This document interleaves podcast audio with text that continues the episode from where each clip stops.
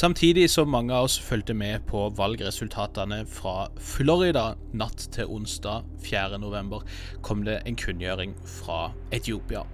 Statsminister Abiy Ahmed gikk ut og kunngjorde at han nå hadde iverksatt militære operasjoner mot provinsen Tigray nord i landet.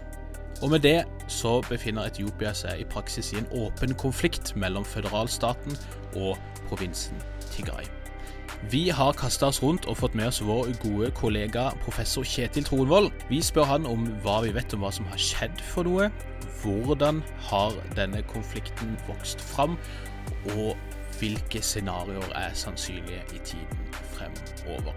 Vi er nødt til å sitte på hver våre hjemmekontorer og beklager at lyden blir deretter i denne lille hastespesialen av hva skjer med verden.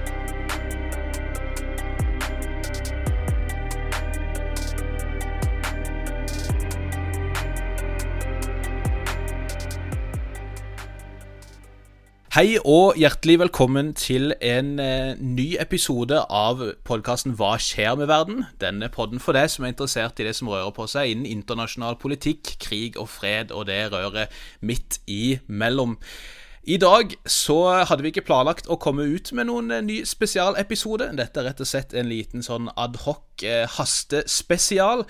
For i natt så skjedde det mer ting for de av oss som var dumme nok til å sitte oppe hele natta, enn at valget i USA ble ganske jevnt. Cirka klokka to i natt så gikk Etiopias statsminister Abiy Ahmed ut med et statement hvor han kunngjorde at han nå har iverksatt militæroperasjoner mot Tigray People's Liberation Front, TPLF, partiet som regjerer i provinsen Tigray nord i Etiopia. Og hvis vi ser på det statementet, så fremstår det nærmest som en de facto krigserklæring. Og for å prøve å få litt klarhet rundt hva som skjer for noe, hva som har forårsaka dette, og hva vi tror kan skje i tida fremover, så har vi jo fått med oss mannen eh, fremfor alle som eh, passer godt til å svare på dette, nemlig vår gode kollega professor Kjetil Tronvold. Hei, Kjetil. Hei, Bjørnar. Kjetil sitter på sitt eh, hjemmekontor. Du er vel kanskje ute av karantene nå, eller er du fortsatt eh... Jeg kommer ut i morgen av karantene. Eller overmorgen er det vel helt formelt, ja. Eh, etter en tur ja, til Tanzania tidligere. Riktig. Og Tanzania hadde jo også skjedd mange mindre heldige ting som vi bør snakke om, men akkurat nå så tenkte vi at vi skulle prøve å snakke litt om Etiopia. Så før vi går og liksom ser på bakteppet til dette her, kan du bare veldig kort forklare liksom Hva var det som skjedde for noe i natt, egentlig, og hva, hva vet vi om, om, situasjonen der? Dette er jo kulmineringen av en langvarig prosess, som vi også har snakket om i en tidligere pod-utgave i sommer. Eh, men hvor vi har sett da prosess mot krig allerede over et års tid. Og jeg har advart ved flere ganger at nå må det internasjonale samfunn komme sammen for å prøve å avverge dette. Det har dessverre ikke skjedd. Og da partene Dette kulminerte da i natt, denne eh, politiske eh, konflikten mellom eh, Tigray-regjeringen i delstaten Tigray og føderalregjeringen i Etiopia. Og dette er en komplisert og veldig dyp politisk konflikt. Veldig enkelt forklart så har de to partiene veldig forskjellige visjoner om hva Etiopia skal være. Og TPLF brøt jo med statsminister Abiy Ahmed for, uh, i 2018 og ville ikke bli med i hans nye regjeringsparti, Prosperity Party, som en følge av disse politiske uoverensstemmelsene. Eh, Tigray og TPLF har da vært den eneste opposisjonsstaten i den etiopiske føderasjonen. Og siden da så har det eskalert mer og mer. Forskjellighetene og konfliktopptrappingen har skjedd gradvis. Eh, og det ble forsterket da i september i år, når Tigray-delstatene holdt sitt regionale delstatsvalg. Eh, selv om føderalregjeringen hadde sagt at det var forbudt. Og i mm. etterkant av det eh, så erklærte begge sider eh, hverandre illegitime og ulovlige og ukonstitusjonelle. Og brøt da de politiske forbindelsene totalt fra 5.10 i år. Eh, og da var det bare et tidsspørsmål før hva skal jeg si, den militære strategien skulle ta over for den politiske retorikken. Og det var det vi så i natt, da. da føderalmyndighetene kom ut og sa at de nå iverksetter militære tiltak for å fjerne TPLF fra makten i delstatsregionen Tigray. Det er nok mye vanskeligere gjort enn sagt. Og eh, føderalmyndighetene eh, legger da skylden på TPLF, at de startet eh, å ta over kontrollen over den militære Nordkommandoen, som er basert da i Tigray. Som har de størsteparten av de militære ressursene i Etiopia ut ifra eh, den langvarige krigen med Eritrea. Det er jo stasjonert da i Tigray. Og samtidig sier føderalmyndighetene at uh, tigrianske spesialstyrker også har uh, gått til angrep på, i områder da mot uh, deres sørgrense, mot Amhara-delstaten. Det første offeret i en krig er jo sannheten. Så um, det er eh, vanskelig nå, og man kan ikke stole på noen utsagn fra noen av partene. Det som vanskeliggjør det enda mer, er jo at føderalmyndighetene har kuttet all telekommunikasjon, all mobilnett, all internett til delstaten Tigray. Så vi får ikke ut informasjon fra bakken. Den eneste informasjonen vi får, er da de offisielle statements fra føderalmyndighetene og hva skal jeg si, fra kontakter og venner og kollegaer i, Etiopia og elsewhere, eh, som prøver å nå inn da, eh, for å få førstehåndsinformasjon fra Tigray. Det er eh, rapportert om troppebevegelser for å hva skal jeg si, omringe Tigray, som jo er en delstat klemt helt i Nord-Etiopia, opp mot grensen da, til Eritrea og Sudan. Det som jo er ekstra bekymringsfullt, og det vi vet, er jo at statsminister Abiy Ahmed og Etiopia samarbeider jo tett med president Isaias Afwerki av Eritrea. Og er det én ting vi vet 100% sikkert, så er det at Tigray og TPLF er Isaias Afwerkis hovedfiende nummer én eh, helt tilbake til 1998. Så det er nok nærliggende å tro at Eritrea vil bli trukket inn i denne krigen. Det er rapportert fra kredible kilder at eh, Eritrea har drevet troppeforsterkninger på sin grense mot Tigray. Særlig da helt i vest, ved, i triangelet da ned mot Sudan, Tigray. Eh, og samtidig eh, er det da kanskje også i hvert fall eh, noen indikasjoner på at det kan være bevegelse på sudanesisk side også. Dette vil være, hvis det ikke stoppes, og det skjer nok ikke, så vil nok dette være da oppmarsjen til en særdeles voldelig og blodig krig i Etiopia, som også vil da involvere nabostater og destabilisere hele Afrikas Horn. Eh, når vi ser på nyheter rundt Etiopia, så har det jo vært mange dårlige nyheter fra andre deler av landet også. Eh, ikke minst da nylig en, en massakre i Oromia, der det laveste anslaget jeg har sett fra Amnesty, var vel at 54 amharer, mange av de kvinner og barn, ble massakrert, mens andre anslag har vel vært oppe i 200. Det har vært snakk om andre eh, trefninger på grensen mellom Afar-staten og eh, Somali-regionen, vel. Eh, så det er jo langt ifra bare oppe i nord at det er ampert, for å si det sånn. Eh, og Man kunne jo se for seg at hvis, hvis det faktisk blir regelrett liksom, full krigføring her, at det vil være konsentrert i nord. Men i hvilken grad tror du dette vil på en måte føre, altså velte dette korthuset, som vel Isaias har snakka om før, og, og, utløse en rekke eller forsterke andre konflikter i landet? Ja, det er en høy grad av sannsynlighet. Eh, Etiopias regjering har over de siste halvannet årene blitt mer og mer fragil og skjør, og har ikke greid å ha en sikkerhetskontroll på sitt territorium. Eh, særlig i Oromia-regionen har det vært mye uro, men også i sørdelstaten, i Somali-regionen, i Benishangul og Gambella, og til og med i Amhara-regionen. Så hele landet har egentlig opplevd grader av urolighet og destabilisert på lokalt nivå. Eh, det har vært flere trefninger eh, og massakre i det siste, men særdeles bekymringsfullt var jo selvfølgelig det som skjedde på mandag i Voldega, vest i Oromia-regionen, hvor som du sier anslagsvis fra 50 opp til kanskje 200 sivile ble massakrert eh, av en hittil ukjent aktør. Eh, hva skal jeg si, Myndighetene går ut og legger skylden på da Oromo Liberation Army. Eh, og også direkte har sagt at TPLF, altså Tigray-delstaten, står bak dette. Som en legitimering da, for å, å, å legitimere angrepet også mot Tigray, som startet i natt. Det er altfor tidlig å fordele skyld, tror jeg, på hva som skjedde i, i, i Vollega. Men det vi også ser, da, og som, har, som, vi har sett over en god stund, er at nettopp særlig Amhara-befolkningen som lever utenom Amhara-delstaten, i Oromia i særdeleshet, er veldig sårbare eh, for angrep. Fordi også de blir beskyldt på lokalt nivå for å være gamle undertrykkere, for å bruke en, en for enkel forklaring. Ehm, og sivile amharaer blir ofre eh, for en politisk eh, konflikt som strekker seg over en lang tid. Jeg tror det vi ser symptomene på i Etiopia i dag, og det dessverre kanskje krigen mot Tigray vil utløse, er jo en mulig eh, total fragmentering av landet. Eh, først, eh, første fase vil vi kanskje se en forvitring av den føderale hæren. Fordi Tigray har allerede gått ut og sagt til sine offiserer at de, bør, de må velge side.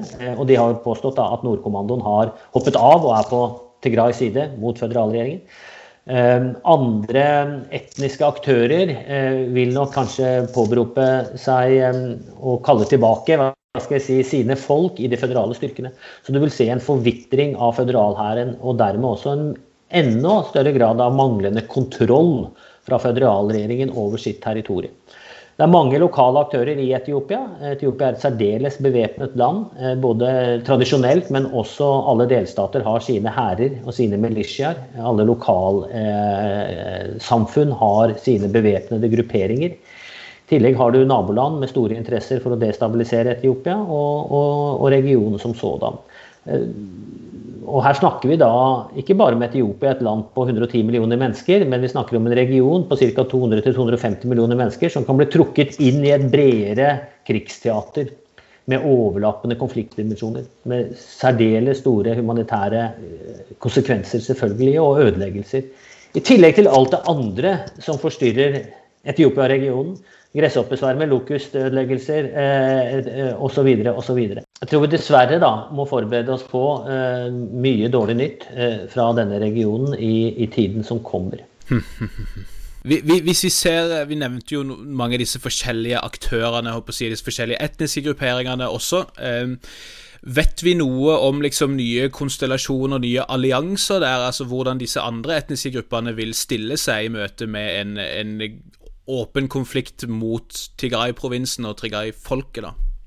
Ja, vi ser eh, nå allerede uttalelser fra andre politiske aktører som tar stilling i, i denne hovedkonfliktdimensjonen mellom Tigray og føderalmyndighetene, eller mellom Tigray og Abiy Ahmed, kan du si. Hvorav de såkalte Federalist Forces, føderalistene, som, som vil beskytte dagens konstitusjonelle rammeverk, eh, støtter opp under TPLFs linje og deres legitime som de sier, deres legitime rett til å forsvare seg mot overgrep og mot destabilisering fra føderalmyndighetene. Der er det snakk om da særlig OLA, altså Oromo-fraksjoner, men også andre etnonasjonalistiske partier. Eh, på den andre siden så ser vi da at noen av Amhara sånn som Nama, eh, et Amhara-nasjonalistisk parti, har kommet ut og sagt at man stiller seg bak eh, Abiy Ahmed og deres eh, krig mot Tigray. Og, og mange individuelle aktører henger seg på dette og sier at nå er tiden inne til å ta det endelige oppgjøret med TPLF og, og, knuse dem. Så, så dette er det er et, et særdeles eh, komplekst bakteppe i så måte. Og hvordan da Hvor forankret krigserklæringen er i regjeringspartiet Prosperity Party, det er jo det interessante også å gå litt mer inn på. For eh, dette er jo et nytt parti, og et ganske skjør parti, kan du si. Veldig sentralisert eh, og styrt fra toppen Abiy Ahmed. Og hvor stor støtte han har blant sine mellomledere, for å si det på den måten, på regionnivå, eh, det er uklart.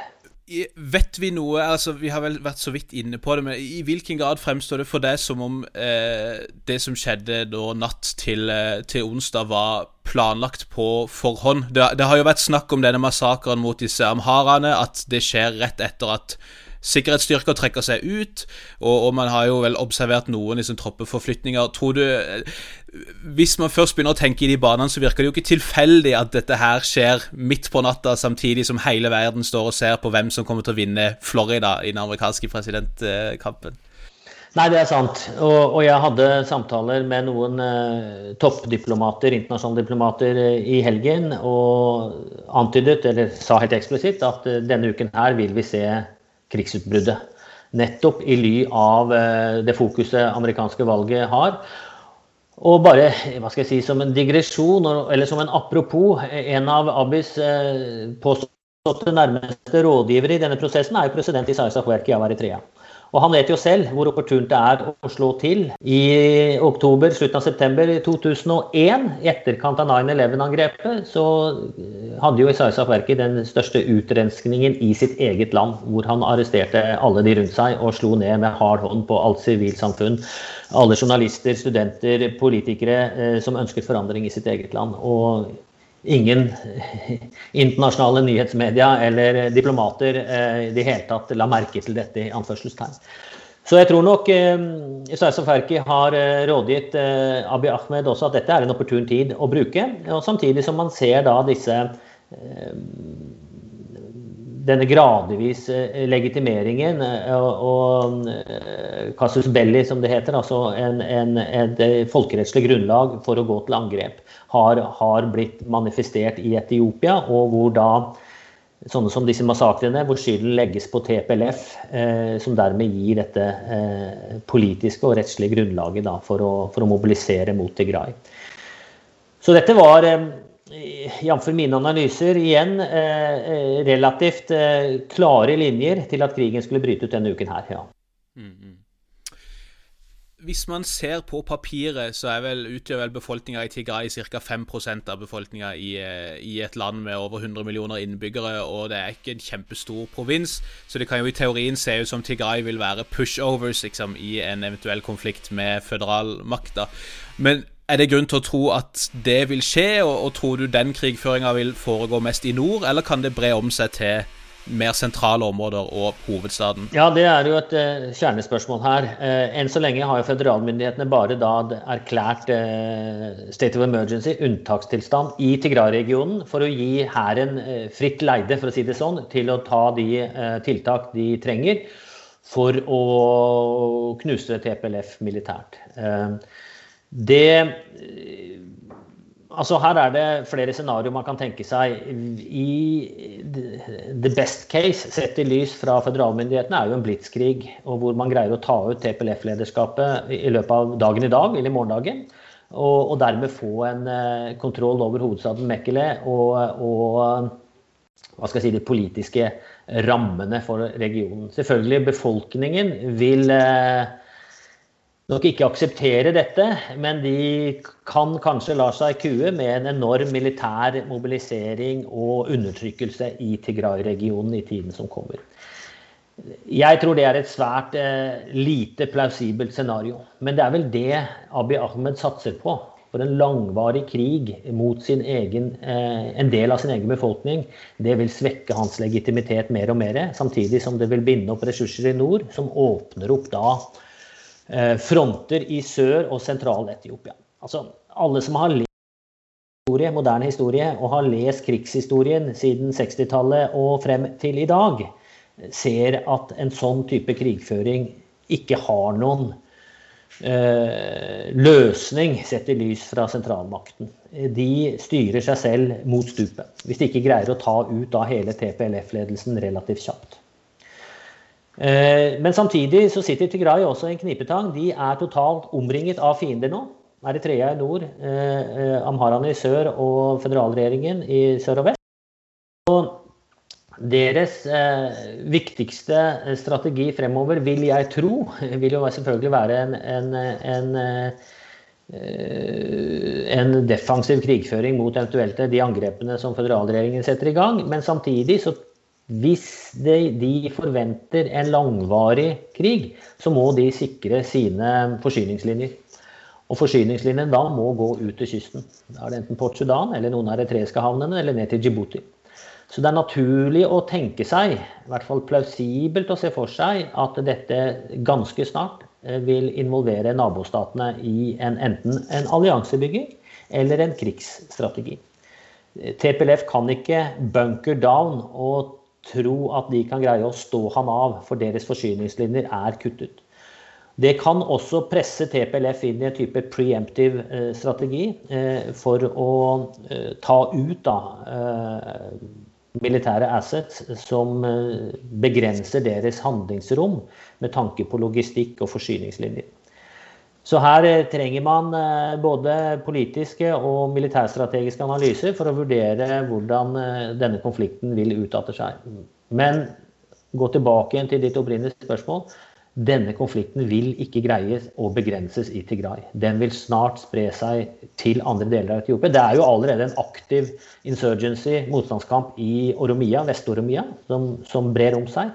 Eh, du har andre væpnede styrker, som sagt, eh, eller aktører som kan reengasjeres. ONLF i Somali-delstaten.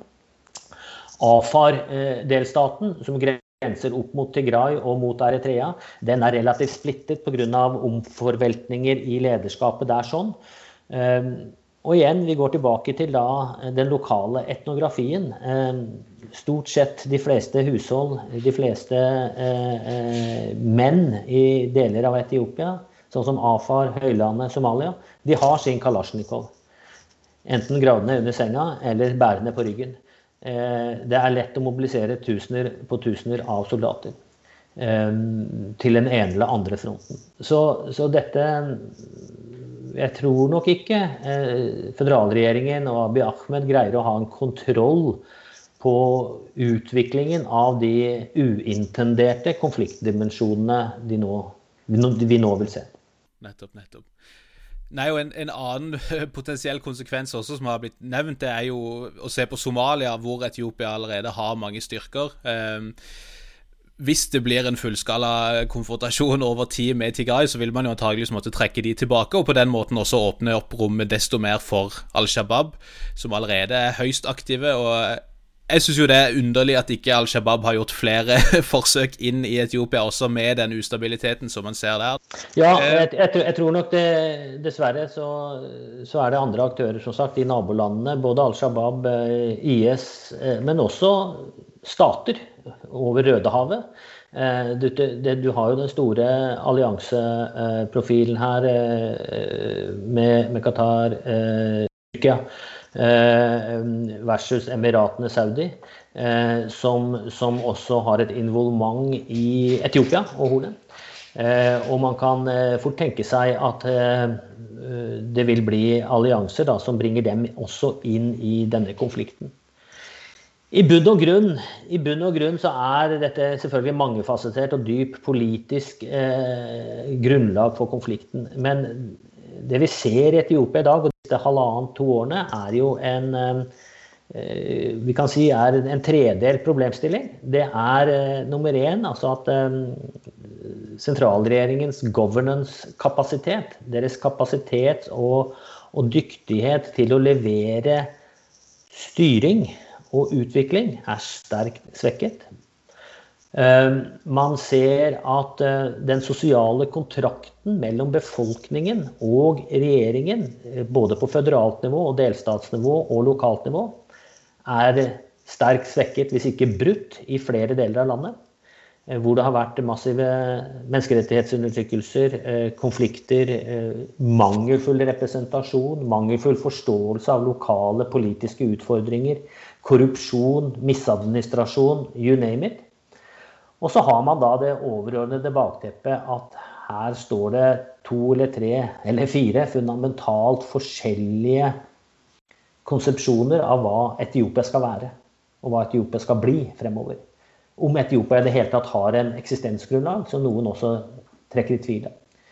Er dette imperiet som kollapser og som forvitrer og deles opp i mange andre stater, sånn som vi så Jugoslavia, Sovjetunionen, alle andre tidligere både moderne og historiske imperier har blitt brutt opp. Etiopia er det siste imperiet igjen i Afrika. Eh, og et av de to eller tre siste i verden, avhengig av hvordan man teller. Eh, så, så eh, jeg tror dette er da alle disse symptomene som har ledet frem til dette scenarioet vi ser i dag, da, som, som, som, ble trigget da i natt med en aktiv krigføring fra føderalregjeringen mot sin delstatsregjering i nord. Det representerer altså veldig mye mer av eh, forståelsesinnhold. Da. Og det gjør det jo også da enda mer vanskelig å prøve å komme med eh, i et inngrep, i en dialog, i en politisk, en politisk settlement, i en fredsprosess som nå må til. Når du er i kontakt med medlemmer av den politiske eliten, hvor mange er det igjen, liksom, eh, andre enn Abi, si, som, som, tror på en, en eh, føderal etiopisk stat, et, liksom, et slags pan-etiopisk prosjekt, kontra de som tar det i en mer etnonasjonal retning i dag? Ja, der er det jo to motsetninger. Den, den, den føderalistcampen, altså de som ønsker å bevare eh, og forsterke Etiopia som en føderalstat basert på dagens etnonasjonalistiske forståelse. Og så er det de som ønsker å trekke Etiopia i en mer enhetsstatsretning, eller en modifisert føderasjon, som ikke er etnonasjonalistisk basert. Og det er de to store hva skal jeg si, dimensjonene, samtidig som du har da en tredje dimensjon som blir mer og mer aktualisert jo mer og mer undertrykkelse det blir.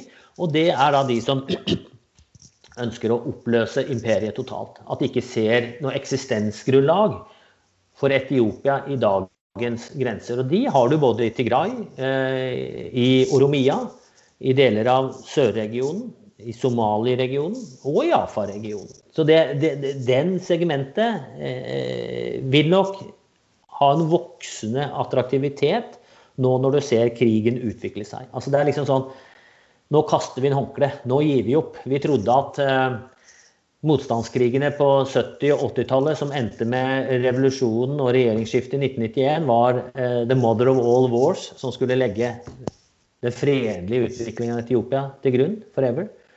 Og så Nå er vi inne i en ny fundamental borgerkrig i Etiopia, kanskje. Og da, da, er det ikke noe vits i lenger, er det nok en del holdninger jeg hører nå. At nå, nå, nå er det successionism, nå er det uavhengighet, nå er det løsrivelse. Nå er det selvstendighet vi må jobbe for. For vi kan ikke lenger stole på sentrum.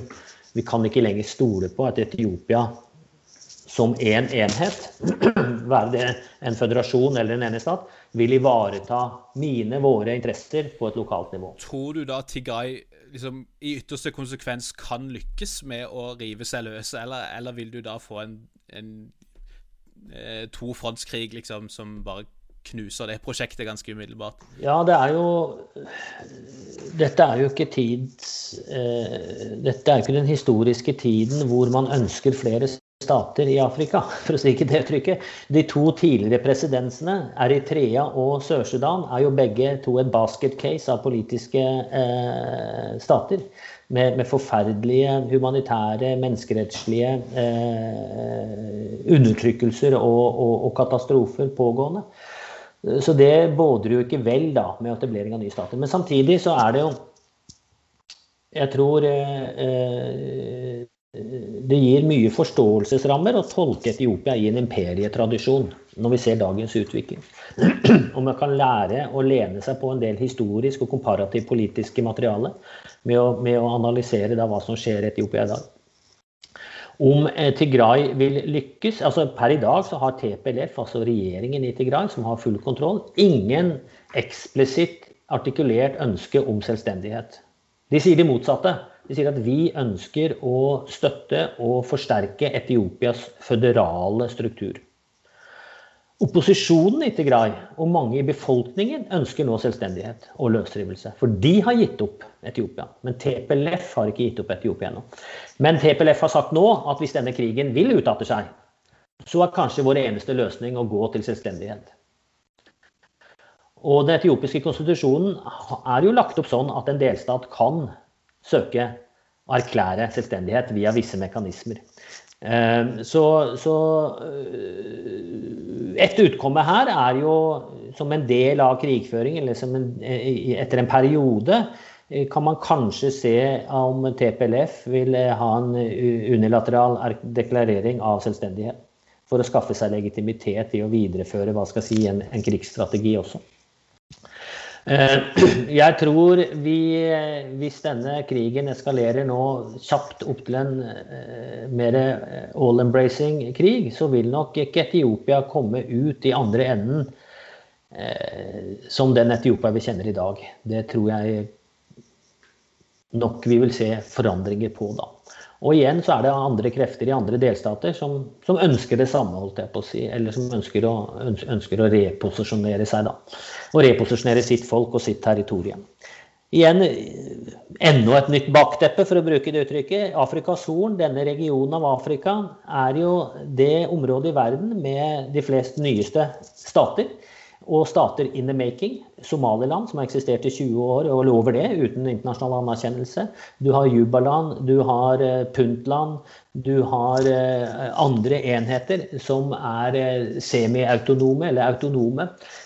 Du har en stor aspirasjon på befolkningsgruppenivå om å, om å reclaim their sovereignty, som de sier var tapt under Etiopias koloniale ekspansjon på slutten av 1800-tallet. Så det er nok naivt å tro at eh, dagens statsgrenser på Afrikas Horn vil bli stående i eh, den, den tidsperioden vi nå går inn i. Det vil nok se en rekonfigurasjon av dette. Eh, hvis, hvis, vi ser til en annen ny krig som brøt ut for litt siden i Kaukasus, så har det jo ikke vært all verdens med hjelp å få fra det internasjonale samfunnet. Og det er jo andre ting det internasjonale samfunnet har vært mer busy med for å si det sånn, den siste natta. Hva har du registrert av, av reaksjoner til nå, om noe? Og, og, ser du noen initiativer som kan på en måte roe ned denne prosessen nå? Ja, Fra det internasjonale samfunnet så er det EU som har vært mest bekymret eh, for eh, Etiopia og de prosessene vi har sett i Etiopia over det siste. EU har en eh, kakabel EU-ambassadør i Etiopia, og de har en spesialutsending for Afrikas Horn som har jobbet opp mot konfliktbeltet i Afrikas Horn de siste 20 årene. Eller ganske mange år, i hvert fall. Eh, og, og eh, de har engasjert seg eh, sterkt, og det kom ut med et eh, topptungt EU-statement faktisk bare for noen få dager siden om, eh, om til partene om å, om å deeskalere konfliktretorikken og, og, søke dialog. Eh, AU, AU eh, Chair kom ut med et statement i går eller foregårs om det samme. Eh, når han så at dette kom til å rakne. Eh, og det er vel så langt de, skal si, de tunge statementene fra de, de to store internasjonale aktørene her. Generalsekretæren i FN Guterres kom ut med også et statement i, i går kveld. Eh, men det gikk jo ikke på krigen med Eritrea Etiopia, eh, nei, unnskyld, eh, Etiopia mot Tigray. Men det gikk på da massakren på mandag eh, og den humanitære og politiske fragiliteten vi ser i Etiopia. Eh, han hadde ikke fått med seg at dette vil bli overskygget av den store konfliktdimensjonen mellom Addis og Mekkele. Eh, så men det vi ser, da, eh, med unntak kanskje av EU, så er det jo eh, altfor sent eh, å engasjere seg når det, når det bryter ut. Eh, småstatene, hva skal jeg si, de bilaterale, ikke småstater, UK, Tyskland, Italia, har ikke hatt Har ikke kommet aktivt inn i en prosess. De er jo ikke småstater når det gjelder bistand eller andre ting. De er, de er de de er også store aktører. Men så har du småstatene, og de har vel stort sett eh, i hvert fall ikke kommet opp på en eh, høyere grad av internasjonal radar. Eh, og har liten kapasitet, liten forståelse, liten kunnskap om hva som egentlig foregår, og dermed ikke tør å engasjere seg. Jeg sier jo til mine etiopiske venner, som jeg sier til mine tanzanianske venner og zanzibarske venner, når de i desperasjon spør om hvorfor er det ikke mer engasjement internasjonalt mot de overgrep, de konflikter vi ser i våre land. Eh, hvorfor engasjerer ikke ambassadene seg, ambassadørene seg? Hvorfor får vi ikke støtte? Og, og, og, det er eh, et komplekst spørsmål å svare på. Men det er noen learning points her sånn som jeg prøver å, prøver å, informere om. For det første så er jo Etiopia enn så lenge et rent eh, domestic concern.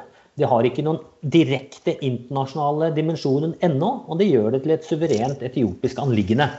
Så lenge ikke volden kommer opp på et nivå hvor det hvor det, vil, hvor det vil medføre si, en internasjonal forpliktelse til å agere. Hvis Eritrea Eritrea er jo mer eller mindre direkte involvert, men ikke, si, ikke offisielt. Isaias Afwerki er på invitasjon involvert av den etiopiske regjering. Og Dermed er ikke det noe den internasjonale samfunn kan kritisere. Han har ikke selv presset seg på, han er etter invitasjon fra Abiy Ahmed.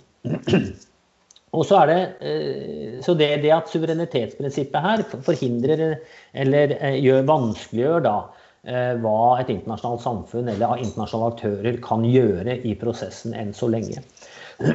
Og Så er det å komme med statement, og det er jo viktig for å vise solidaritet eller forståelse eller kunnskap om at noe foregår. Eh, statement av bekymring, som da noen har gjort, EU i særdeleshet.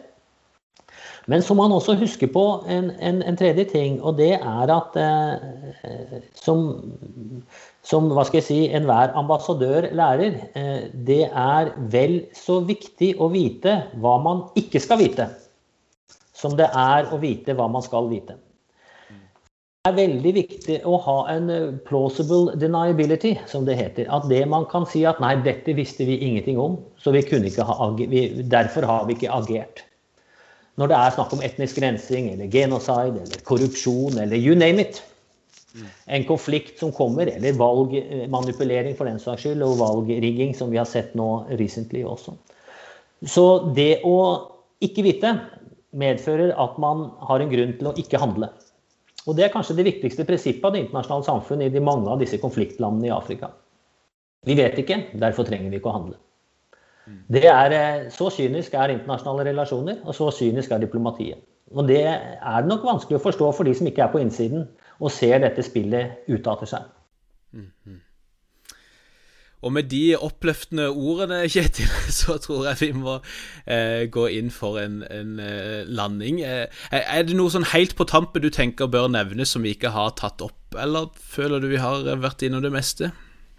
Vi har på langt nær vært innom det meste, mine venn. Eh, og dette er et moving target. Eh, det er jo ja. Eh, en konflikt som er pågående nå, altså som opptrappes nå mens vi står og prater. Eh, og vi vet ikke ennå hva krigsteatret uttaler seg i Tigray, siden all kommunikasjon er blokkert. Eh, så her tror jeg nok det er en eh, løpende oppgave å prøve å forstå det. Så vi kommer kanskje mm. tilbake ved en senere anledning. Du skal se at vi kaller deg inn, og, og vi bør også ta en prat om Tanzania og Zanzibar og det som har skjedd der. Eh, om ikke diplomatene bryr seg, så får i hvert fall vi prøve. Eh, så for å si eh, tusen, tusen hjertelig takk for at du kasta deg rundt, Kjetil. Følg Kjetil på Twitter hvis du ønsker å følge med på hva han skriver på, og det som rører på seg i eh, den delen av verden. Og så får vi bare si at vi høres igjen på mandag. Takk skal du ha. Ha det.